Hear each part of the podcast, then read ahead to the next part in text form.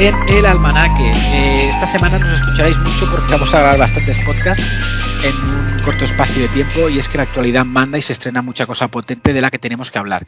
Y, como habéis escuchado ya en la intro, eh, por fin toca hablar de Succession, eh, una de las series del momento, por no decir la serie del momento, y de la que tanto nos ha costado hablar, porque comenté en el último programa, cuando nosotros comenzamos, eh, a septiembre de 2019, justo terminaba la segunda temporada y no nos dio tiempo de, de cogerla a tiempo y por el parón de COVID y los dos años que ha estado de toda la serie, pues hasta ahora no hemos tenido la oportunidad de, de hablar de ella eh, en un momento en el que estuviera de actualidad y este año se ha estrenado la tercera temporada, justo ha terminado ayer, estamos grabando martes día 14, terminó ayer lunes día 13.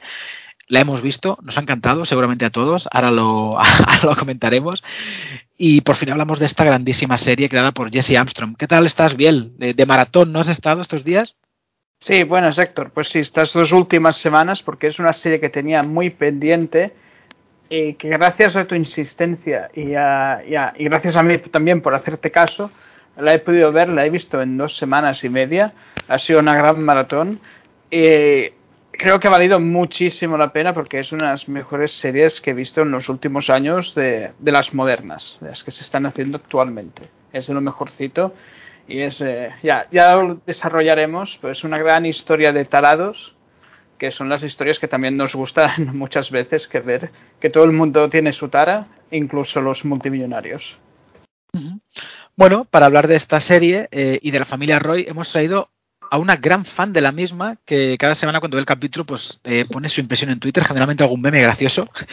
Eh, y ella, bueno, a ella la podéis escuchar en Radio Primavera Sound, por ejemplo en Tardeo, en Ciberlocutorio y luego podéis leer los, los copos que publica para Vogue. Andrea Gómez, ¿qué tal estás? ¿Cuánto tiempo? Muchas gracias por dejarme repetir siempre. Me da la sensación que siempre hablo mucho, pero si me volvéis a llamar es que está bien. Bien, bien. Siempre está bien que hablemos mucho. Así nos haces la competencia. Eh, ¿Qué tal? ¿Todo bien? Todo muy bien. La, ya como decía antes fuera de micro, tenía una muy mala semana, pero se ha, se ha ido hacia arriba gracias a Succession.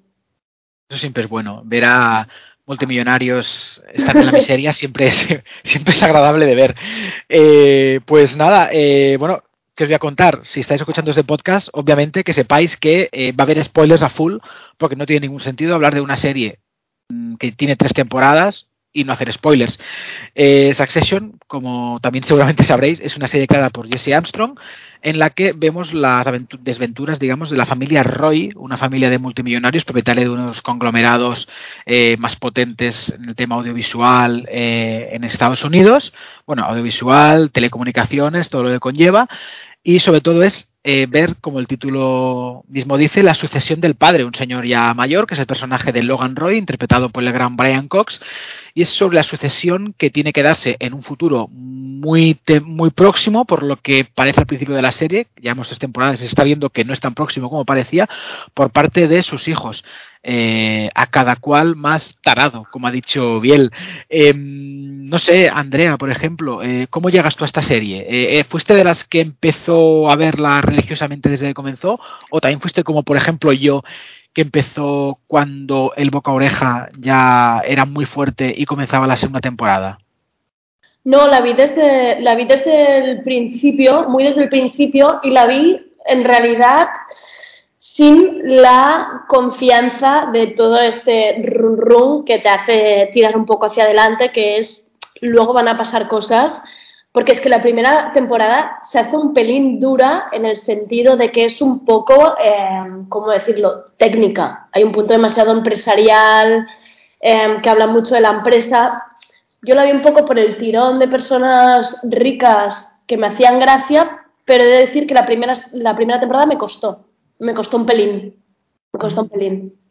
A mí también. A mí hasta el capítulo 6, que digamos es la primera humillación de Kendall, sí. de las muchas que va a tener la serie, que ahí la serie pega un pequeño giro, me costó mucho y de hecho hasta me planteé abandonarla porque eran capítulos muy densos, con mucha jerga empresarial, como bien dices, y la verdad es que me costaba mucho entrar, o sea, y tampoco, y al principio quizá le faltaba también ese punto de humor tan corrosivo que sí que quizá lo tenía el personaje de Roman, pero sí que me costó un poquito, no sé tú, Biel, si ahora que la has visto en plan maratón, eh, ¿has tenido también algunos problemas o ya desde un principio entraste bien?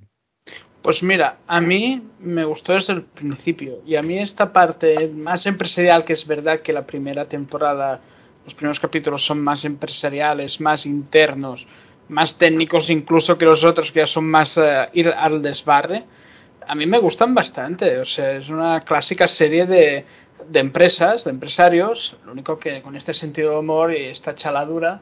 Uh, y a mí, a mí no me disgustaron, o sea, también que lo he visto es en dos semanas y media, o sea, lo he visto en dos semanas y media la maratón y pero no, no, no me costaron en absoluto, yo entré desde el principio, me gustó muchísimo ya el primer capítulo con, con esa cena, bueno, con esa comida de aniversario que es tan dramática en tantos sentidos para unos y otros, a, a mí me encantó, ya, ya ves ahí toda, cada uno qué trauma va a desarrollar para las siguientes temporadas. Sí.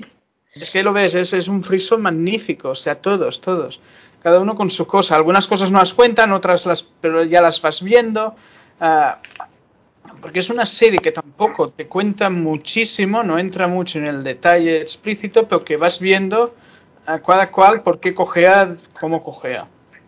Al final son cuatro todo... niños, son cuatro niños perdidos Uh, porque esto es lo que se ve también en las intros, las diferentes versiones de las intros, de cuatro niños ahí muy ricos, muy felices y muy solos a la vez y muy taraditos por cómo es el padre también, que tampoco no ha dado nunca amor ni tampoco lo ha recibido, que es también como termina un poco la, la tercera temporada. Sí, y no solo, no solo la trama, lo que ya te llama la atención desde la primera, porque aunque fuera muy técnica, desde la primera temporada ya ves que también va a marcar un poco de, un poco de la manera de hacer una serie diferente, eh, no solo por los guiones, porque eh, son guiones que son te apetece capturar la pantalla cada frame en plan esta línea es buenísima, sino luego por, por, por cómo está grabada. Yo yo es que no sé si esto lo he contado alguna vez, pero es que yo era, antes era ayudante de edición y hubo un tiempo que me creí que iba a ser editora, llegué a hacer trailers y todo de películas, entonces como de alguna manera siempre miro cómo están grabadas, editadas um, las series y en este caso era una puta flipada, en plan, guau, estamos viendo un documental ficcionado con unos zooms y unos movimientos de cámara nada habituales en una serie eh, y, y, eso ya se ve desde el principio y ya marca también mucho el estilo de la serie. Yo creo que ahora ya lo hemos interiorizado todos, pero en realidad es algo muy sorprendente cómo está, cómo está grabada y cómo están las cámaras metidas dentro de las habitaciones y los espacios que te hace creer que estás ahí dentro y que lo habíamos visto en The Office, pero, pero era de una manera mucho más como más falso documental, pero aquí es, es, otra manera de hacer ficción que creo que que le abre muchas posibilidades a esto de, de, de, las series y de este formato ficcionado. Es que es una serie que, como bien comentas, al, al principio, pues cuando la estrenó HBO, sí que al principio pasó un poquito más de puntillas, por lo que comentamos, no tenía actores conocidos, más allá de Brian Cox, eh, los demás, pues Kieran Culkin pues es el hermano de Macaulay, pero no es un actor conocido y la gente le conoce por ser hermano de, ahora ya no, pero al principio era así. Y quizás eh, parecía que fuera una serie menor de HBO, porque también recuerdo que la tiró en verano, muy de tapadillo, eh, y pasó, al principio pasó un poquito desapercibida, pero con, con, el, buena, con el boca oreja eh, es cuando la serie cogió impulso. Y si bien al principio, por tener actores, digamos, no conocidos, parecía una serie barata y tal, es que todo lo contrario, es una serie que se gasta mucho dinero. De hecho, yo leí una entrevista a Jesse Aston hace un par de años en la que le ofrecieron tener, digamos, caras más conocidas, pero él quiso tener a caras más desconocidas para que el espectador quizá eh, pudiera eh, empatizar más con los personajes, al no ser, por ejemplo, actores conocidos. Es decir, no ponerte una Reese Witherspoon, por ejemplo, como Sheep o yeah. cosas del estilo. Y lo que no se gastan, digamos, en salarios, porque seguramente aún tengan que tener un contrato por cuatro o cinco años relativamente bajo para los estrellas que son ahora, se lo gastan en lo demás, en edición, en localizaciones, en cada capítulo sale un puto palacio prácticamente o una villa en la Toscana o donde sea. Eh, luego, por ejemplo, evidentemente en figuración, porque siempre hay un evento y siempre hay millones de personas por ahí alrededor de los personajes, o en vestuario, porque es una serie que el vestuario, vamos a ser claros, es seguramente el mejor que hay ahora mismo, si no contamos series de épocas, que es otro rollo pero en serie, digamos, eh, ambientada en la actualidad, tiene un vestuario espectacular. Y luego entramos, si queréis, en lo que es Ship, pero Ship lleva cuatro años, en plan, es que es la pava mejor vestida que hay en el mundo, en el mundo de la tele. Y me parece que todo lo que no ha tenido, lo que no se han gastado, digamos, en reparto, aunque luego evidentemente lo compensan por otra parte, se lo han gastado en todo lo demás. Y me parece que es una serie que luce, más allá de lo que dice Andrea del tema de edición y tal, en general, en todos los aspectos, luce como Dios. Es que es alucinante. Pero ¿no te parece que, por ejemplo, estos secundarios, los invitados de lujo de esta tercera temporada, como Alexander Skarsgård o Adrian Brody, son como, es como, nos los podemos permitir, pero a la vez son ausentes porque tampoco no, los necesitamos para la trama ni para los días. Están como un poco aprovechados en realidad. Están ahí, están ahí porque nos podemos permitir tener a estas personas pues no les daremos ni el protagonismo ni la intensidad que ya tienen nuestros, nuestros actores de cada día, que ya con ellos ya tiramos. Esto es totalmente cierto. Pero eso es bueno. Que, sí, sí, sí, es buenísimo. O sea, eso. eso sacarse la chorra, pero vamos, de una manera fuertísima. Y en plan, o sea, los importantes son la familia Roy. Todo lo demás es Atrezzo. Porque yo recuerdo que vendieron mucho. Eh, han fichado a Adrian Brody y Alexander Descargar para la tercera temporada. En plan, yo daba por hecho que eran personajes regulares, o por lo menos. Y nada, Un arco más importante. Adrian Brody sale un capítulo y parece que Alexander Descargar sí que en la cuarta temporada tendrá más peso, pero salen los tres últimos y dos, tres escenas en cada capítulo sueltas. O sea, tampoco. Y será importante, ¿eh? porque al final, mm, digamos, será importante para el devenir de Waystar. Pero lo que ya, ya te dejo seguir bien, perdona, eh, es simplemente que los importantes son la familia Roy. En la segunda temporada pasó con Holly Hunter, que ha desaparecido. También era una actriz con nombre. No, no, aquí importan ellos. Y ya, perdona, bien, que te he cortado. Ah, ¿Por dónde estaba? Así ah, va. No, y también lo que decías de la serie mejor vestida, pero también la mejor fotografía, como decía Andrea. Ah, es impresionante toda la fotografía, cómo lo hacen los escenarios, cómo lo cuidan, cómo cuidan la cámara, o sea, técnicamente es muy buena serie, además de los guiones, y además esto, los guiones, o sea, eh, es un, de una ah, genialidad los diálogos, es una serie de diálogos, es magnífico, o sea, esa acidez, esa profundidad a la vez ah, en conjunto, o sea, los diálogos es que no te puedes perder ni un segundo porque te vas a perder una joyita. En cada capítulo hay dos, tres, cuatro diálogos intensísimos y buenísimos. esto es muy difícil. Muy shakespeariano, sí, sí, muy sí, sí, además es, totalmente Shakespeare. Eh, todos estos odios familiares, las taras, ah, eh, las cosas que se hacen queriendo pero sin querer, las obligaciones, o sea, hay escenas totalmente, en el último capítulo, la escena de los tres hermanos ahí con Kendall en el suelo, eh, y los dos eh, otros hermanos ahí intentando cuidarlo, pues sin saber tampoco cómo cuidarlo, porque tampoco han desarrollado eh, cosas afectivas, o sea, tampoco tienen herramientas afectivas para darse cariño unos a otros. Y ahí los ves sufrir a los tres e intentar animarse, y el otro para animarlos solamente se puede decir chistes, porque es lo único que ha hecho en su vida es contar chistes y chanzas. es fantástico, es fantástico cómo retratan. Sí, con esto de los diálogos está claro y creo que en la tercera temporada, más que nunca, yo he de decir que soy una de esas personas que en algún momento perdió un poco los nervios y la paciencia en esta tercera temporada, porque me daba la sensación que estábamos dando vueltas eh, en un círculo Mm, sin fin, era, como esto ya lo he visto y sé que me vas a acabar la temporada otra vez en un espacio lujoso como ya hiciste en la otra y es en el momento en que lo dinamitas un poco y me parecía como un poco repetir la estructura, pero, pero a la vez me gusta que la propia serie haya jugado conmigo, con mi paciencia y con el que me haya fijado en los detalles o no, en el que haya estado más atenta en lo que pasaba y en lo que no y me parece que es una serie importante, pero sobre todo inteligente y que trata al espectador como inteligente. Y hoy solo leía un tuitero que se llama Jorge Salanova que decía que la tercera temporada no tiene trama en realidad, o sea, no hay una sola trama, o sea, se basa sobre todo lo que decía ahora Biel, que es en unos diálogos, en unos seguir mm, dando más vida a cada personaje, pero es que no les sucede nada, hay incluso se pierden como personajes importantes que antes nos habían dado mucho juego como como Marcia o la novia de Kendall que de repente había sido súper explosiva, Naomi, de repente son gente que no tiene ni frases, ni trama, ni nada que decir y se basa eso en los cuatro hermanos y el padre. Y hay un punto que dices, ¿dónde, me ¿dónde va a llevar esto? Pero es que lo hacen de una manera muy brillante que te llevan a un sitio y todo tiene sentido. Y es para mí que nos traten de esta forma tan inteligente, pues, pues se, agradece, la verdad. Es que la, trama principal de esta tercera temporada, digamos, era eh, la OPA de Kendall a, Logan, que tú sabías desde el primer momento que no iba a ningún sitio, porque Kendall es un imbécil. A ver, es que es imposible que Kendall pueda hacer algo, decir, y menos enfrentarse a Logan.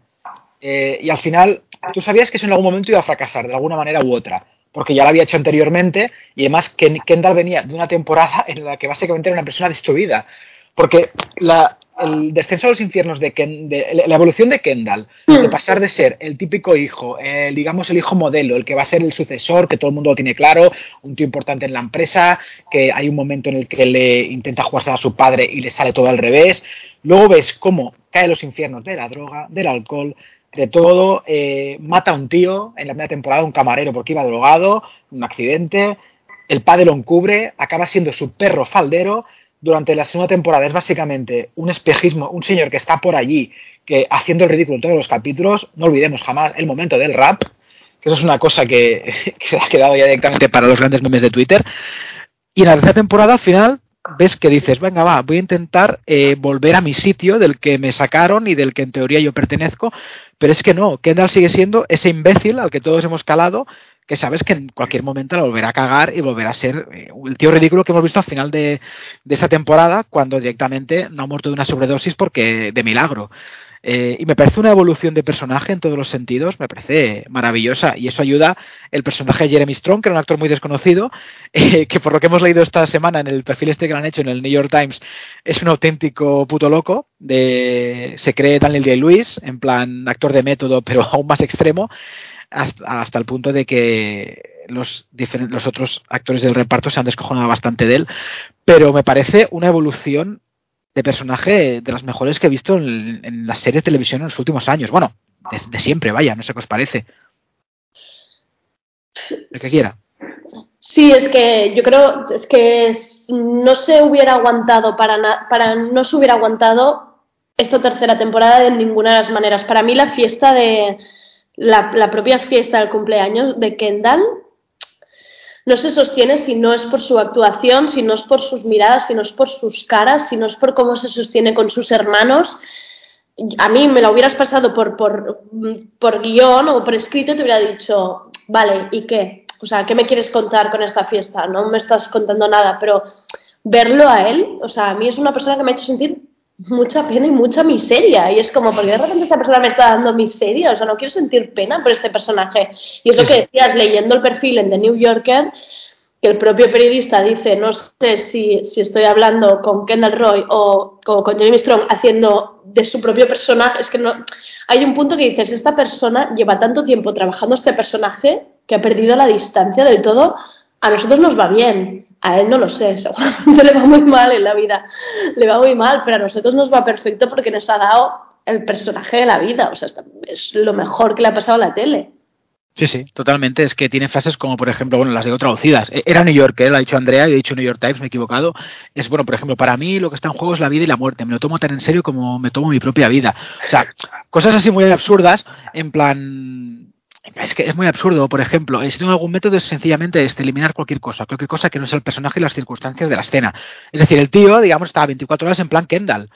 Eh, al final es muy ridículo, que sí, que evidentemente han salido eh, gente como Sorkin o Jessica Chastain que han trabajado con él en Molly's Game o El juicio de los de Chicago a defenderle, pero es obvio que por declaraciones de sus propios compañeros de repartos tiene que ser así. De hecho, esta semana Brian Cox fue a un, no sé si fue a, Jimmy Fallon o a alguno de estos programas y un poquito lo, lo, maquilló, pero no dejó de decir que, bueno, eh, he tratado con gente así alguna vez, es un poco particular, yo no entiendo así la actuación, pero bueno, si el chico quiere hacer esto, pues adelante. En plan diciendo, bueno, con qué tarado estoy trabajando, pero suavizándolo para que no pareciera que fuera un todos contra, contra Jeremy Strong. Pero sí que me parece una historia interesante, porque a ver, que tampoco eres nadie, no eres Daniel Day-Lewis, que siempre saco este ejemplo porque ha sido, digamos, el más conocido como actor famoso, sí que en su momento Pacino, Dustin Hoffman también eran muy así, y al final, bueno, ahora que son mayores, han sido un poco burla por las actuaciones que han hecho. Pero Daniel de Luis se fue a hacer zapatero a Italia. Quiero decir, al final el, techo está ahí. Si quieres ser eso, pues adelante. Mira, fue con Seth Meyers, que donde hizo esas declaraciones Brian Cox. Pero no sé, ¿a ti, Biel, qué te ha parecido la evolución de Kendall? A mí me ha maravillado.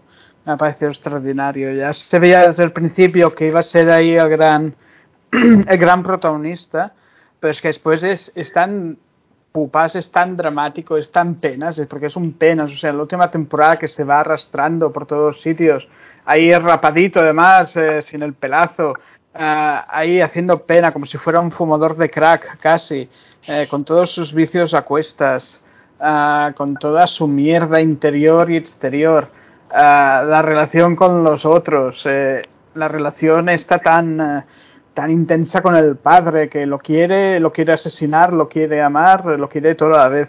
Y para mí es el grandísimo personaje que confirmar que está en verdad chalado eh, está muy bien porque es eso. Bueno, pues está haciendo del mismo casi. Claro.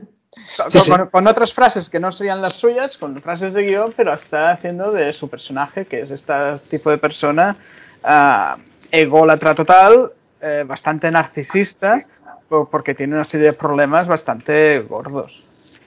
Y que yo creo que les debe haber ido a favor, porque si ya la propia tercera temporada va de crear unas decisiones de que se lo miren mal y tal, y él ya está jugando a eso y ya está creando ese, esa separación entre hermanos, yo creo que les habrá ido fenomenal. Es que en realidad lo transmite, es que quiero decir, hay un punto que yo cuando veo a Kieran Culkin mirarlo, pienso, es que realmente lo odian, no lo soportan, no se soportan, y ya me gusta. Claro, tú por ejemplo ves que eh, sí que los personajes de Roman y de Ship tienen una hay una química entre ellos, quizá porque son más en edad son más parecidos tal y están más juntos por el tema de la empresa del padre, pero sí que Kendall digamos aparte de que es el mayor, está en otro, él juega en otro, él juega en otro sitio y, y, se nota en la serie esa distancia que hay y a lo mejor también viene por cómo debe ser en el set, que debe ser muy complicado. Eh, yo os quería preguntar, eh, no quiero ir personaje por personaje, eh, pero es que hay, parejas de personajes que creo que hay que hablar de ellas. una es evidentemente la de Tom y Cousin Greg, que luego entraré, porque la enlazaré con Ship, pero es que hablando de Kieran Culkin y de Roman, es que la relación que tiene con, Gary, con Jerry, con bueno, no sé si es Gary o, Jerry, nunca me acuerdo, sí, cómo se pronuncia bien, pero me parece a la, a la par que tóxica, consiguen que una relación muy tóxica y que en otro contexto podía ser muy chunga, eh, sea un punto cómico en la serie. Y eso me parece que está muy bien jugado. El momento fotopolla en que oh. le llega al personaje de Logan, que es en plan, tú eres un puto desviado en la conversación que tienen, pero ¿qué te pasa? O sea, por favor, o sea, tienes 40 años y mira cómo estás.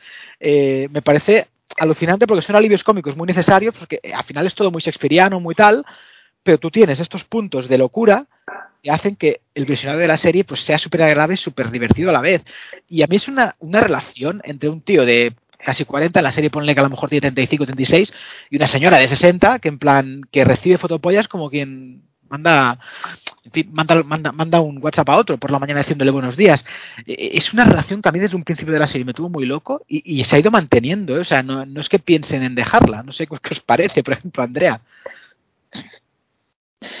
Es que mm, a mí, por ejemplo, de Jerry sí que me, o sea, me pareció fascinante como la capacidad que tenía de girar algo y que yo me estuviera riendo muchísimo, como ves como a Logan y a Shift ponerse en lo que vendría a ser como en el lado sensato de, en plan, estar viendo fotopollas en una empresa, pues está todo tan llevado al extremo. Jess Roman y Son Jerry que es que me hacía mucha gracia. Y yo, ya os lo digo, que yo esta tercera temporada me he perdido un poco los nervios en el sentido que no pasaba nada y me aguantaba un poco por tramas, por pequeñas subtramas como esta, lo que pasaba entre entre Jade y Roman y sus diálogos me parecían fascinantes. Em, igual que los de Shiv y Tom, cómo han evolucionado y cómo nos han sacado un poco la patita, dejarles ver un poco de su costumbrismo y de su día a día, porque es que al final no los veíamos más allá de fuera sentados en una mesa y los veíamos muy poco, en plan, ya, pero esta gente que les, ¿qué les está pasando fuera de todo esto? Nos han dado muy poquito esta tercera temporada. Em, yo he agradecido mucho esta trama, la he agradecido mucho y para mí Roman em, no es de mis favoritos porque mi favorito es Greg, pero sería mi segundo favorito, Roman. ¿Tú también eres muy de Roman, Biel? Totalmente. Es que vaya, vaya cosa, o sea, desde el minuto uno que aparece, ya ves que eso va a ser fantástico, va a ser un personaje maravillosamente loco. O sea, eh, lo hace también las caras, por así decirlo, la caracterización de personaje un poco ido, un poco no sabes por dónde te va a salir, porque eso es verdad. En todas las decisiones empresariales que hay, o en todos los momentos críticos, todo, todo el mundo sabe hacia dónde va a ir cada uno, ¿sabes? O sea, sabe quién va a traicionar a quién, pero en el caso de él, mm, nunca sabes si va a tirar hacia aquí, hacia allí, porque es una cosa totalmente imprevisible. O sea, es esto, ¿quién se va a dedicar a enviar fotopollas así? Él, o sea, nadie más. ¿Quién se va a equivocar y se lo va a mandar a su padre en ese momento tan, tan intenso? él, o sea, no puede hacer ninguno más, porque todos son bastante previsibles menos él. Es la imprevisibilidad dentro de, la serie. Pero bien, niño. bien, ¿no te ha parecido también que a la vez ha sido como la persona, como el personaje que mm, a mí en el, en el último capítulo es la persona que más ternura me ha dado porque es el, el que de verdad apela al amor, que es de lo que va esta serie, que es como un plan, una batalla entre ser completamente despiadado y olvidarnos que tenemos una relación de padre e hijos. Y, lo, y, de lo que va el último capítulo, que es que somos hermanos, nos queremos, y esto se ha ido demostrando todo el rato. Y, y, y Roman, al final, cuando lo de la mano diciendo que hay aquí y dice amor, es que ese momento es como, por favor, Roman. Pero ¿no crees que también es por miedo? Es decir, que al final él, es un niño, o sea, él es un niño que sí, que está muy bien jugar, pero siempre ha estado bajo el paraguas del padre. Ahora, por ejemplo, esto ya es, nos desligamos del padre, ¿sabes? O sea, ¿qué va a pasar con mi vida? No voy a seguir teniendo mis privilegios, mis lujos, eh, yo que también es un poquito por miedo, porque es el que duda más, si os fijáis. Cuando Ship ya está muy convencida, obviamente, que también. Es el que duda. Pero es el que duda. O sea, al final yo creo que, aparte de que seguramente sea quizá el que tenga más amor, pero también es un poco de miedo lo que hay ahí. No sé, no sé si os pareció, pero yo, yo también lo vi, lo vi muy claro. Pero también porque es el hijo más acomodado y el que nunca ha tenido que tomar decisiones. Está allí, cuenta su chiste y se va, pero siempre. está más de... su padre también. O sea, es el que el que es el, es el, es el del niño de papá, claramente, es el que más le perdona todas las cosas. Yo es que además también, desde que ha salido el final, entonces que me he puesto a leer un montón de artículos, y es que hay artículos que te lo desdan absolutamente todo. Hay gente que está haciendo tesis doctorales de Succession y leía uno que está en Vox.com, Vox no de Vox de nuestro Vox, sino de Vox. ha gustado nuestro Vox. no nuestro Vox de mierda, sino un, un, medio digital estadounidense que hablaba como de las cuatro Fs de, de Succession de los, de los hijos de Roy, en plan, contaba como el pelear, el congelarse, el adular o eh, el huir. Y como contaba que durante todos los capítulos eh, Roma está muy bien explicado cómo siempre se queda congelado cuando su padre o cuando sucede algo un poco grave en, en, en Succession. Por ejemplo, uno de mis capítulos favoritos de esta temporada fue cuando lo del lo del congreso con los accionistas y cuando Shift se encara un poco con, con, su padre, bueno, no un poco, no, cuando se grita con su padre, el, el capítulo del gato, esa escena casi me muero, me tiro del sofá. Em, en este vemos a Roman quedarse totalmente paralizado y que cuando las cosas se complican un poco, él se queda en cuarta fila y mira de lejos y nunca se mete. Y en cambio en este último episodio es como, joder, por fin toma un poco de partido sí. y planta cara. Este capítulo luego sigo yo. Yo creo que en el último capítulo es lo que dice Héctor. Eh, reclama amor cuando ya está todo perdido, cuando se ve perdido, cuando ya ven que ha perdido la, la, partida, que una, con un giro muy bueno, muy bueno, ah, es cuando apela al amor, apela al amor cuando está todo perdido. O sea, hasta entonces era el que menos amor reclamaba y el que menos eh, eh, daba, o sea, reclamaba más amor Kendall en todos sus actos, en todos sus actos que él.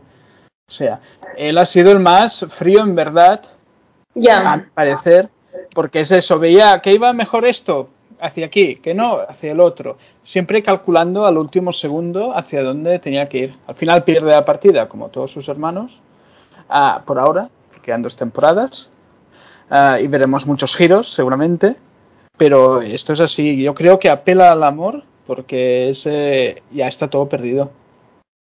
Ha comentado Andrea lo del capítulo de accionistas. Yo creo que es un capítulo magistral Eh, eh, porque eh, vemos también cómo se mueve, cómo eliges a candidatos para la presidencia, para, para gobernar un estado, para lo que fuera. Me parece eh, que esto, te lo- esto no te lo escribe mejor Sorkin, ¿eh?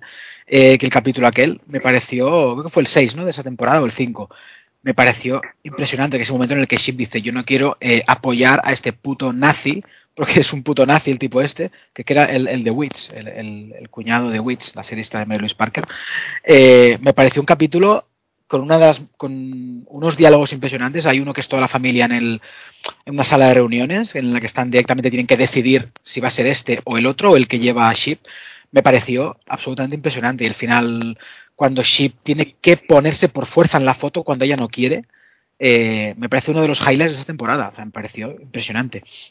Em, no sé, os quería preguntar, Bueno, y, Chipito. aquí- y en este Sí. capítulo cuando Connor de repente empieza a tener también que me da risa porque es que me da la sensación que es como si estuviéramos hablando de una comedia, pero es que en ese capítulo ver a Connor casi tocar con, con la yema de los dedos la presidencia de Estados Unidos es como es, Es muy, tam- es muy grande eso. es, es enorme. La evolución también de este personaje em, también ha sido es- muy divertida, muy Ese divertida. Connor es un personaje que está ahí, es un hijo de un matrimonio anterior, o sea, realmente es el mayor de, de los hijos de Logan, pero es de un matrimonio anterior y los otros hermanos le quieren y tal, pero lo ven como bueno.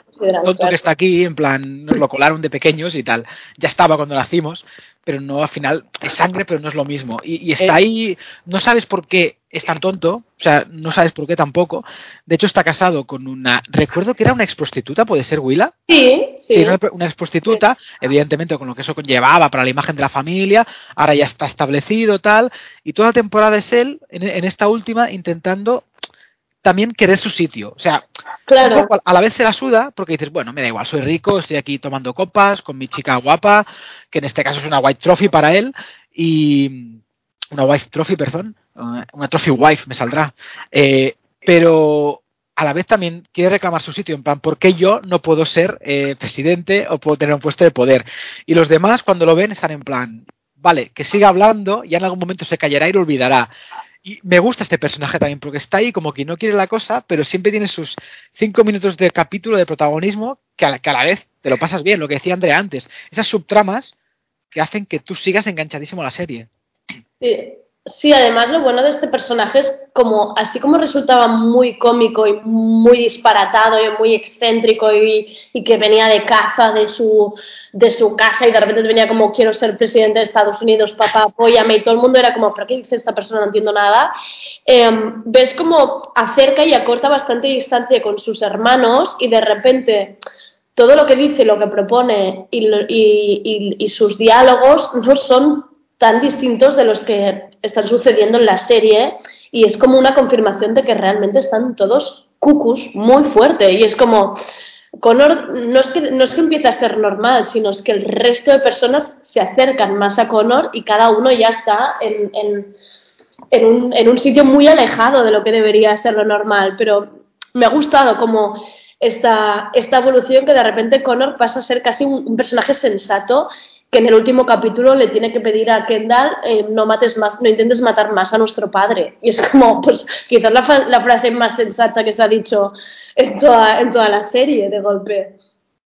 Totalmente, o sea, el personaje de Connor, que es el que para mí está más, eh, más ido al inicio, porque es eso, ya lo ves en el primer capítulo que ahí contando eh, cómo funcionan los, acuíferos de sus granjas y que trae la masa madre Sí. de regalo a su padre y su padre lo destapa, lo huele y dice, bueno, ya veremos. Eh, Ya ves que no está del todo ahí.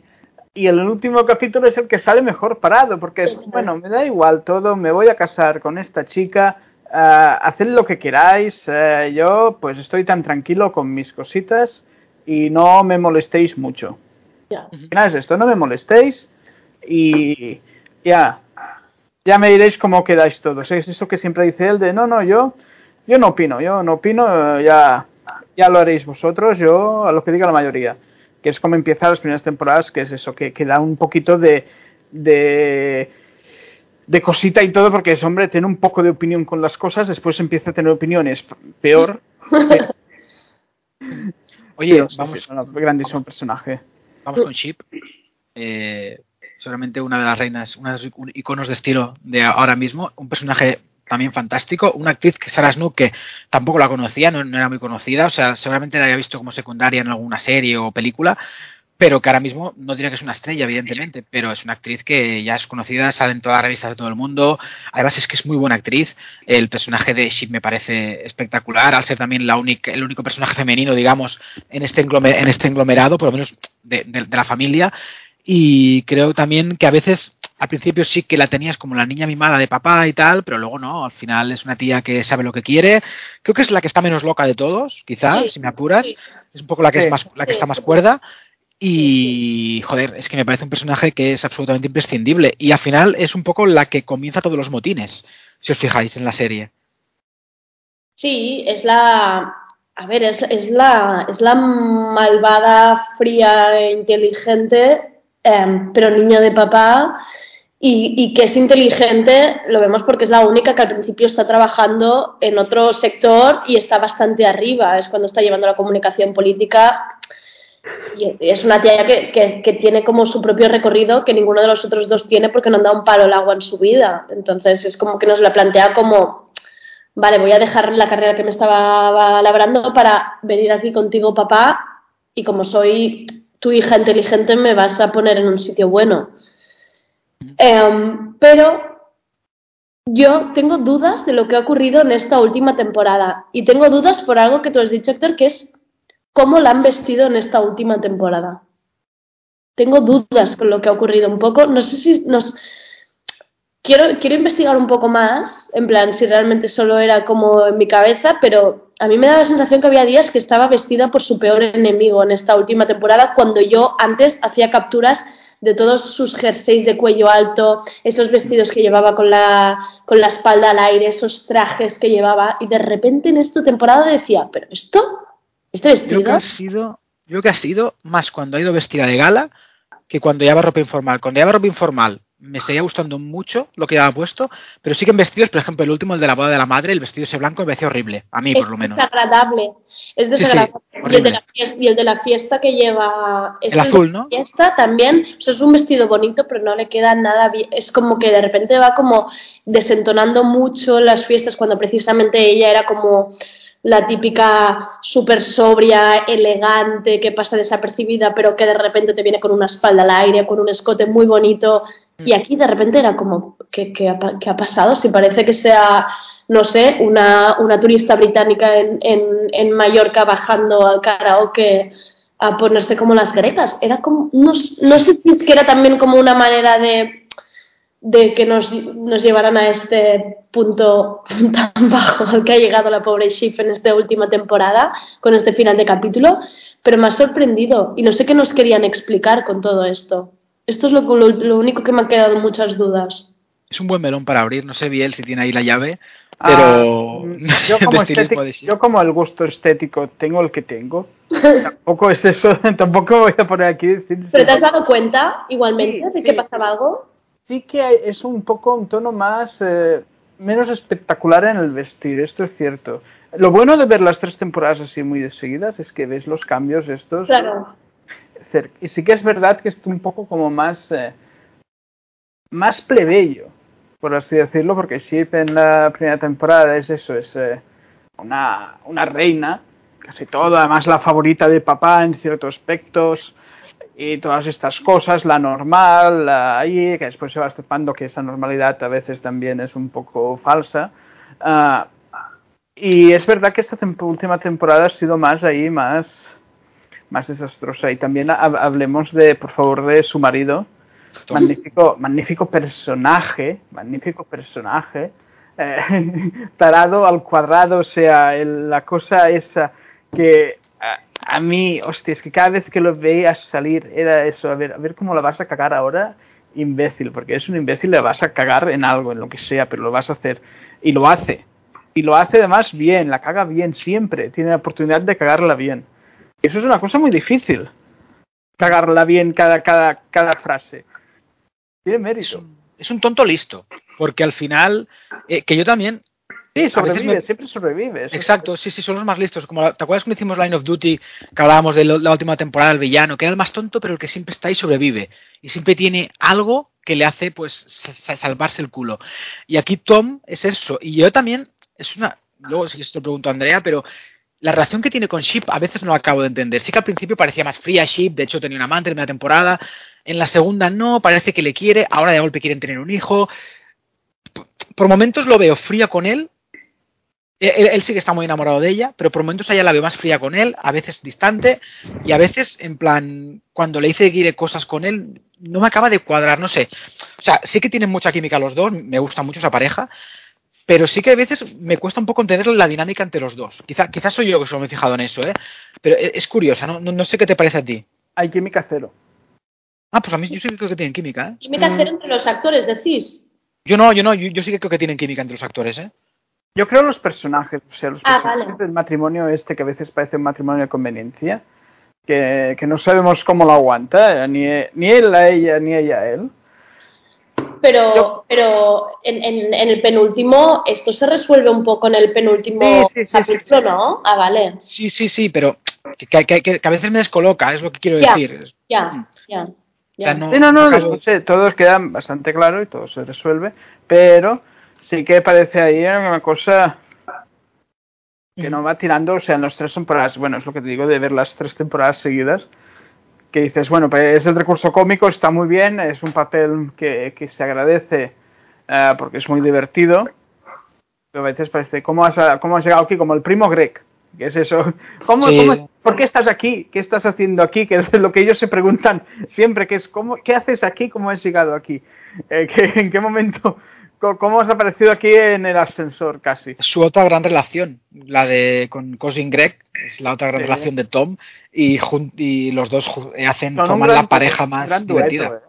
Es el gran dueto. Divertida, totalmente el gran dueto y el momento que en el diálogo aparece la analogía a lo de Nero y Sporus es que es absolutamente brillante. Y yo por un momento pensé, dije, calla, que nos van a abrir aquí una trama homosexual entre estos dos y bueno, vamos a bueno, es que va a partir la pana esto. Em, yo que hoy me he pasado mucho rato en Tumblr, que en Tumblr son los expertos en encontrarte todas las citas y fotos y analogías de otras temporadas y te las juntan. Um, tío, es que son brillantes los guionistas porque em, encuentras como referencias a muchos diálogos de esta última, de este último capítulo, a conversaciones de, em, cuando en la boda em, de repente eh, el padre le dice a Shiv, tú lo que necesitas es, es, cuando se lo dice como frente a su frente a su, lo que va a ser su futuro marido, que es Tom, que es el que luego pues la traicionará, le dice una frase como en plan, te vas a casar con, él, con este hombre porque tú lo que necesitas es un hombre que sepas seguro que no te traicionará. Y es como, qué fuerte que esto apareciera en la primera temporada y que al final todo gire alrededor de esto. Y también habían un montón de quotes en Tumblr de, de toda la historia, de cómo se ha ido gestando toda esta historia entre Greg y Tom, todo este Sporus que ha ido saliendo bastante en los diálogos y de cómo muchas veces Tom le preguntaba a él como, pero tú estás conmigo, tú, tú me querrás a mí, tú, tú quieres unirte a mí y es como, wow, nos lo han estado poniendo en bandeja desde el minuto uno y no hemos visto nada, nada. Sí, sí, totalmente. Y, y el momento en el que sale y se entera Tom de que no va a ir a la cárcel, ese beso en la cabeza que le da, eh, como si fuera Michael Corleone a Fredo, pero sin matarlo, claro, evidentemente, sin matarle después, eh, me parece espectacular y al final, digamos, es un poco al primero que le, lo que comentaba, al primero que le confiesa que va a traicionar a la familia. Eh, Trump, es en plan, ¿vas a estar conmigo o no? Es que además, Cousin Greg es un personaje que al principio, en plan, el nieto del hermano de Logan, dices, vale, que es, James Cromwell, el actor este de Beber Valiente, y A dos metros bajo tierra, dos obras maestras, cada una en su estilo. Pero es, es alucinante cuando, el peso que acaba cogiendo en la trama, cómo vamos viendo que es otro personaje súper patético. Eh, los momentos en los que en esa temporada está al lado de Kendall son en plan, ¿qué hacen estos dos, estos dos imbéciles juntos? En plan, ¿qué está pasando aquí? No me lo creo, no puede ser que sea tan ridículo todo.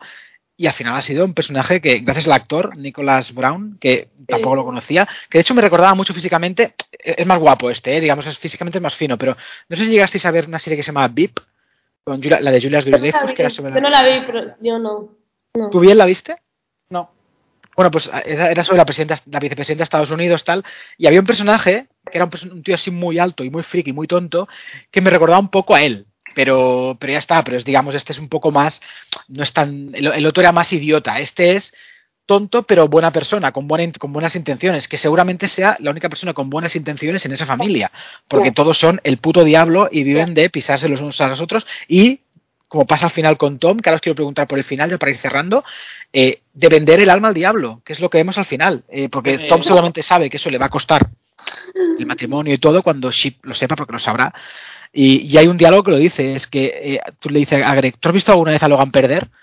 Y le dice, no y ahí ya se fragua lo que es la, tradición final y ese último momento maravilloso en el que coge a Sheep por detrás y haciéndose el tonto. Le da un beso de Judas. Totalmente, el beso de Judas. Es que es, tan shakespeariano todo que es maravilloso, ¿eh, Biel? Totalmente. Es que es esto, es el tonto, el tonto que no lo es tanto. Eh, y que es verdad, Logan nunca ha perdido hasta ahora. Y no ha perdido también porque nadie cree que vaya a perder y ya siempre quiere estar en su equipo ganando que es lo que hace Tom, eh, que es una grandísima traición del final del último capítulo y cómo se va fragando todo, cómo ves la tragedia, cómo se va a desarrollar. Y esa escena en el palacio italiano es maravillosa. Todo, todos los detalles son están calculadísimos. Una toscana de fondo. Eso es, es memorable. Os quería preguntar, eh, para ir pues cerrando. Es que los dos últimos capítulos eh, son magníficos. Desde Kendall a lo Bojack Horseman casi. exacto, mira, me gusta esa comparación. Ahí totalmente derruido. Pero, eh, bien, ¿no compras que han habido algunos entre medio de esta temporada que han sido un poco estirados? En plan. Sí, se ha estirado el chicle. O sea, hay algunos que podrían haberlos acortado, no haber existido, y podríamos haber ido mucho más ahí por trabajo. Yo creo que están alargando un poco el chicle. Pero en todas. Y se preocupan en la parte de quinta temporada a qué se va a hacer, porque si se va estirando el chicle más, no sé hasta dónde va a llegar. Claro, porque a, mí, dura, sobre todo, ahora es que a mí si hubiéramos hecho este podcast antes de los dos últimos capítulos, hubiera tenido otra opinión totalmente distinta. Para mí ahora es como, vale, lo entiendo todo. Pero para mí habían tantos personajes, tantas tramas para para darle juego o un poco de jugo a las habían unas personas que eran adictas a las drogas, habían problemas entre varias familias, era como, y todo esto de repente deja de existir y ni tan siquiera se habla cuando están habiendo fiestas de cumpleaños muy heavy y nadie está tomando drogas. Em, es que estoy obsesionada con Naomi, pero porque era un personaje como muy potente Mm, la novia de Kendall, que de repente aquí tiene dos líneas y es como, Kendall, vamos a casa. Y es como, tía, esta es toda tu participación en esta tercera temporada, no entiendo nada.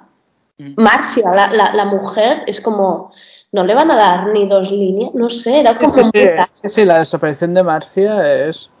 Y los niños son atrecho, absoluto. sí, sí, o sea, es un atleta, parece, eh, parece el hijo de Brody en Homeland, que recuerdo que la hija tenía mil tramas y el hijo estaba ahí, aparecía de vez en cuando. el, hijo ese, hostia, no, no, imagínate, no recordaba que... Por eso, por eso. Eh, de hecho, eh, eso os quería preguntar, o sea, ¿cómo veis la siguiente temporada? De hecho, esa temporada, habláis del relleno y ha tenido un capítulo menos que las otras. Ha tenido nueve esta. O sea, no sé si ha sido porque han tenido menos tiempo de rodar por tema pandemia, pero ha tenido un capítulo menos, que ya está bien, se agradece. Pero ¿cómo veis el futuro? Porque ahora ya, básicamente, bueno, lo que sabemos, la Gojo, la empresa del personaje de Alexander Descargar, ha comprado Waystar, eh, ¿cómo se llama? Eh, Logan cambió los términos que tenían para que, eh, digamos, él tuviera la palabra final eh, y los hijos no a la hora de la venta. Por lo tanto, ahora, claro, eh, los hijos quedan al descubierto porque se supone que Gojo no querrá tenerlos allí. De hecho, a Gojo hay un momento en que Alexander Descarga ya parece que habla de ellos en plan bastante despectivo, sobre todo del de, personaje de Roman. Eh, de hecho, le hacen en una reunión como si fuera el niño, en plan, vete a jugar con los juguetes o algo, que aquí estamos hablando de los mayores. ¿Y cómo veis el futuro? Porque ahí cambia el juego. Es en plan, ahora ya los hijos no van a poder suceder a Logan. Es decir, la serie cambia. O sea, Succession, el título ya, no sé, que, algo le harán, ¿eh? Para que se tal, pero... Eh, te, voy, te, voy, te voy a decir una cosa, que es que todavía no se ha vendido nada. No se ha firmado nada. Ya. O sea, hay un preacuerdo y están ahí los cachivaches, pero la serie termina donde termina. No se ha firmado nada y en media hora te la pueden liar todos eh, muchísimo. Pero muchísimo te pueden liar, muchísimo, todos, o sea, porque todos son unos chalados que, que, te, que, te, que te ponen una cosa a la otra, o sea, Todavía no está vendido nada, quedan dos temporadas. Espero que no alarguen mucho el chicle. Estoy agradecido que sean nueve capítulos, porque si fueran, hubieran sido diez, aún hubiéramos tenido más relleno. Y, veremos, yo con, ganas, o sea, porque eh, es eso, la, lo que es la parte importante de la serie va más, o sea, va más la tensión, va más el drama, va más eh, la complicación, y eso siempre es de agradecer, pero que espero que no estiren mucho el chicle exageradamente. Andrea? A ver, mm, yo es que, por ejemplo, a esta temporada le hubiera pedido que, em, que ya hubiera, que ya hubiéramos jugado un poco a las empresas, que incluso, yo qué sé, pues que la hubiera cagado nombrando a Jerry y Roman haciendo, o sea, me hubiera gustado más entrar al trapo. Esto sería como la parte fácil, lo que le pediría a una serie fácil, mainstream, que llegara a todo el mundo, que casi fuera como esa peli que se llamaba ¿cómo se llama esta serie? Industry, que es como vamos a jugar, vamos a jugar a la... Lena Sí, vamos a jugar a mí eso me gustó mucho, ¿eh? pero es que es totalmente distinto porque en realidad es de fácil consumo, de fácil digerir, que me la hubiera visto los lunes así en plan como pim pam y hubiera llegado a todas las casas y se acabó. Pero yo sé que esta serie quiere otra cosa, quiere jugar con nosotros eh, y no nos va a dar lo que queramos y nos va a estar estirando esto hasta donde les dejen y no va a ser una serie fácil. Yo te digo que para mí no ha sido fácil y yo para mí el baremo que tengo con esto es que yo son series que recomiendo a mis padres y mis padres la han visto y no les apetecía nada ver el último capítulo porque era como, estamos hartos, hartos de O sea, en plan, ya no sé qué. O sea, yo les decía, no, no, en serio, que de verdad se soluciona, es muy buena. Mirar cómo. Y era como, ya veremos. Era como, ya no sé ni cómo he llegado hasta aquí.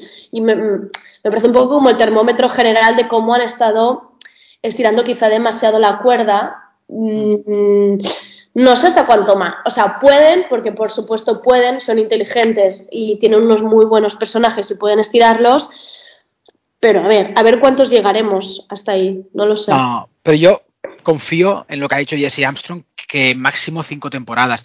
A ver, yo entiendo que el tipo de golpe empezó una serie sin, no sé si con muchas expectativas o no, pero de golpe se ha convertido en un fenómeno. Y entiendo que también es difícil acabarlo, pero ahí se verá si al final su palabra vale más que la de HBO, que HBO hay que reconocer que tampoco más allá de algunas cosas siempre ha sido cinco o seis temporadas máximo. Las, sus grandes series no tienen tampoco una barbaridad de temporadas. O sea, eso hay que reconocérselo. Veremos cómo va. Ahora es HBO Max, es otro rollo, es único de la plataforma. Hay, entrevista con Jesse Armstrong, em, si la queréis buscar en IndieWire, de ayer em, por la tarde, donde precisamente le hacen muchas preguntas sobre cómo este final de capítulo y cómo y cómo, bueno, cómo está resuelto, cómo, cómo, pensaron. Hay una parte muy divertida donde explica que la, que la escena final, por ejemplo, la rodaron dos veces, donde mm, hay una, una, escena donde es Shiv la que ve como Tom, no, como, como Logan toca al hombro de, de, de, Tom y digamos que Shiv es la que ve la traición y hay otra escena donde solo es Kendall el que ve la traición como diciendo no es el que tiene la información y a partir de aquí pues se desarrollará el que su propia esposa no sepa el que, el que, el que la ha traicionado. Toda, toda la entrevista va un poco de esto del, propio, del propio Armstrong reconociendo que hay, que hay muchas escenas que ni, ni tan siquiera ellos se las planteaban tal como las ha recogido el público, como acabó el penúltimo capítulo con Kendall, con Kendall en la piscina, que fue como un cliffhanger para todo el mundo, en plan, ¿cómo? Que está suicidado, ¿qué ha pasado aquí? Tal, no sé qué, y dice que, ellos cerraron ese capítulo y nunca con esta pretensión de que fuera mucho más. Y es como interesante como el propio periodista le pregunta en plan, pero cuando entráis en la sala de edición, ¿tenéis en cuenta en plan lo que opinará la gente o cómo, cómo podrá conducir y dice que le da absolutamente igual, básicamente. que se le ayuda bastante lo que piensa la gente y que ellos mm, van tirando y, que muchas cosas ni se las plantean, ni se las plantean ni les interesa, que ellos van haciendo. De hecho, no sé si fue en esta entrevista u otra, porque he leído tanto estos días, también estaba lo del tema del Monopoly, que ya no voy a entrar, la escena del Monopoly, que al final luego ah, sí. cobra todo sentido, pero que su inspiración para esta serie es eh, la película de Winterberg, la de Celebración, que digamos que fue de las que inauguró el movimiento Dogma. ¿Qué es? Eh, sí, sí, y no la veo. Muy así. Yo la vi, yo la vi por primera, no la había visto, la vi justo eh, esta Semana Santa y es, a ver, es, es Succession. Succession es esa película, básicamente. Es que todo el movimiento de cámara, dónde está colocada la cámara, los zooms, los personajes cogiéndose de la armilla, hablando, es es Succession, básicamente. Mm. Volveré a mirarla, seguro que están filming. Así que volveré a mirarla uno de estos días porque ahora tengo curiosidad. No me gustó en su momento porque el movimiento Dogma me cuesta un poquito, reconozco. Me gusta más el Winter Verde ahora, el de otra ronda o da caza, pero la volveré a ver por curiosidad. Eh, ya para terminar, así, eh, Andrea ya lo ha dicho, pero bueno, eh, tu personaje favorito al final, si tuvieras que elegir uno, eh, ya no para ir a una isla desierta, ¿eh? o sea, personaje con ninguno. en todos los sentidos. ninguno. Exacto. Para, para ir a una isla desierta con ninguno, vaya, vaya, vaya, cada uno tiene su tara, no quiero, o sea, no. Bueno, yo, yo también tengo tara, al final ah, nos tenemos que aguantar entre todos, pero... Es que tampoco te llevaría a ti una isla No, ya, ya, ya, ya lo sé. eh, ¿A quién te llevarías bien? A una, a, no a una isla, ¿eh? O sea, ¿cuál es el personaje que crees no, no hace falta que me lo des desarrolles, ¿eh? pero que es que está mejor construido en todos los sentidos. Kendall. Kendall. Uh -huh. Vale, Andrea. Yo me sigo quedando con Greg porque a mí me ha dado la, mejor escena que he visto en mucho tiempo, que es cuando, cuando Logan lo invita y le dice si quiere tomar algo. Y ve, y ve tienes un poco de Coca-Cola. Es que a mí estos minutos que me da de nerviosismo, esa cara, lo que hace con las manos, esas frases de me lo puedo acabar rápido antes de irme, es que esa persona, o sea, la quiero muchísimo, muchísimo. Yo diría como evolución de personaje Kendall, pero quizá el que me gusta más por la serenidad y por todo, y no porque me guste ella, es Ship. Es que me gusta mucho el personaje de Ship y creo que es un pilar fundamental de la serie, porque digamos, al ser la única mujer, digamos, que tiene más protagonismo, es muy importante. También me gusta mucho Logan, ¿eh? porque Logan es un personaje al principio que se va a morir rápido. De hecho, lo quería matar en la media temporada, según el leído de Jackson, pero dijo que hizo el, escribió el piloto y dijo que no, no, esto tiene que seguir. Y le ves que al principio era mucho más, era como que estaba más gordo también y mm. estaba más moribundo y de golpe conforme pasan las temporadas, le ves, aparte de mejor físicamente, que da más miedo, o sea, digamos, más, más diablo. Y eso me gusta la evolución esta. Que este hombre lo, venía, venía de ver Ron Fraser haciendo de padre borrachín inglés de, de Daphne, recuerdo hace unos años, y, y, la verdad es que es brutal. Bueno, estaban de boxer también, es que tiene una carrera muy amplia Brian Cox, pero es que me gusta mucho también Logan. Mm. Pues nada, eh, con esto ya cerramos Succession, a ver qué tal nos depara la cuarta temporada. Y antes de cerrar con la canción, eh, bueno, ya lo hemos dicho, la banda sonora de Nicolas Brittle es impresionante, es esa intro, eh, que es magnífica, la hemos puesto al principio. Pero antes de cerrar con una canción que nos pondrá Andrea, quería comentar una noticia que eclipsó ayer el visionado del final, y fue que va a volver Upa Dance. Eh, en plan, se llamará Upa Next. Eh, estoy un poco loco, bien, llevo todo el día con esto. De hecho, esta mañana cuando he salido a correr me he puesto una playlist de, de Upa Dance, una playlist. Morenita eh, te has puesto. Hombre, por favor, y sámbame. con todo mi cuerpo. O sea, con, con todo mi cuerpo, buenísimo. En el instituto era Team Morenita, porque se hablaba de esto, de que eres Team Sámbame, Team Morenita, si sí, eso existía, de verdad, ¿eh? Pero porque estamos decía... a, porque este horror, porque todo. No, no, no, en serio, que Upa Dance es educación sentimental, Biel, en serio. No, que, que, que va a ser educación sentimental, esto como sí. si como si el Gulag fuera educación sentimental. No, no, no, no. Upa Dance, o sea, no, no. que vuelva pero yo espero que lo van todos, o sea, es decir, el Pablo Puyol, Mam. O sea, deben tener 50 años. Por eso creo que mueven la cadera, ese es que da cadera ahí, tirada al suelo. Les pondrán a cantar trap, pues cao, cosas de estas. O sea, es que es la gracia. O sea, verles hacer el ridículo ahora. O sea, Beatriz Rico, todos, tienen que volver todos. O sea, que Bobo Padans me parece uno de los mejores, uno de los fenómenos. He de decir que fui al concierto de, de Upa Dance en su momento en el Palau San Jordi. Bien, así me gusta. Y fue el año que se cayó un mam del escenario. Hombre, pues una, es la mejor anécdota del mundo. Dando una pirueta cayó abajo y me acuerdo que como en la última canción apareció con una silla de ruedas que no sé qué coño le pasó. No sé si fue un esguince, se rompió el brazo, algo pasó, pero fue absolutamente maravilloso ver como en morenita, muchachita, daba la pirueta y, y se iba abajo. Era. Oh, pero qué maravilla. Pues estaremos atentos a la vuelta de Upa Dance y espero que Andrea ahora cierres con Sámbame, con Once Again o con... No, quiero cerrar con Another Day in America porque, porque sé que vais a grabar un especial eh, um, de West Side Story y es una película que le tengo muchas ganas. Y esta canción de Another Day in America de Caliuches y Ozuna en realidad no sale en la peli, no es soundtrack, pero es como la han hecho como en honor a la película. Y um, es que West Side Story es como de mis películas favoritas por no decir de la, de la, la más, la más. Y entonces tengo muchas ganas de ver qué ha hecho Spielberg. Las críticas son bastante buenas de momento. Sí. Eh, ha tenido una taquilla ridícula, o sea, que ¿Sí? Sí, ya tiene una taquilla en Estados Unidos ridícula. 10 millones en primer fin de semana. O sea, hizo más in the Heights, que fue un fracaso monumental. O sea, es- tengo pánico. Sea, ¿Y por pues qué? porque el público adulto no está dando la espalda a las películas de gran presupuesto adultas. Eh, solo están recaudando dinero las de Marvel. Bueno, Venom también es de Marvel. Eh, superhéroes, compañía. La casa Gucci más o menos ha ido relativamente decente, pero na- na- nada para lanzar cohetes. Y se le ha pegado West Side Story. No sé si es porque ha tenido una mala, una mala campaña de marketing, lo que fuera, pero se la ha pegado, porque las críticas son buenas, es decir, no es aquello que sea una mierda. Ya, no sé, ya. yo la veo, bueno, la, la semana que viene la veremos, hablaremos de ella y a ver cómo, a ver qué tal. Yo igualmente tengo ganas. De hecho, bueno, si os fijáis en las listas de que ya están sacando los tops del año, la mayoría de sindicatos de premios y tal, están todos, están todos. O sea, quiero decir, eh, no sé, yo tengo ganas, dos horas y media y a ver, a ver qué tal. Confío en Spielberg. Además, he visto por el trailer, hay unos planos que tienen pinta de ser la polla, así que, no sé. A ver, a ver qué te nos depara y a ver si con la Navidad consigue recaudar, pero como vaya mal y sea un fracaso rotundo, muchos estudios se van a pensar ya, ya, ya está pasando, creo, en poner pasta en películas así. Así que nada, pues cerramos con esto ya, con Another Day in America de West Side Story. La semana que viene haremos un podcast sobre la película, sobre, la, diga, sobre las dos, a ver las diferencias y tal, a ver qué nos parece. Y nada, Andrea, te agradezco mucho que hayas estado aquí, hoy a horas intempestivas casi, Gracias pero por invitarme, como siempre. a un placer. Pues nada, nos despedimos hasta la semana que viene, hasta bueno, hasta dentro de unos días, así que esta semana, van a ser ahora bastantes podcasts. Así que nada, eh, Biel, pues eso, eh, a ver, Spider-Man ahora, Matrix, West Side Story y más cosas. sí, te- tenemos cositas, ¿eh? Tenemos cositas, sí, sí. Se vienen Pues, cositas. Se vienen cositas. Pues con esta canción nos despedimos. Un abrazo. Venga, adiós. Adiós.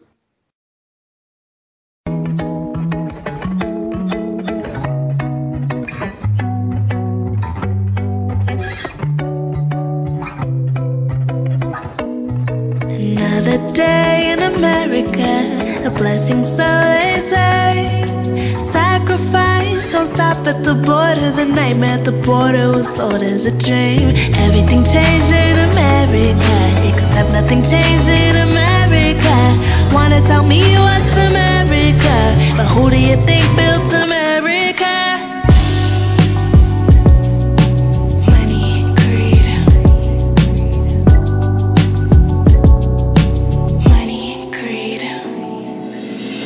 Raíces de Latinoamérica, conquistando el mundo llega hasta la Ibérica. Aquí todos somos igual, aunque se vive en histeria. ¿Qué tal si nos queremos? Como cuando en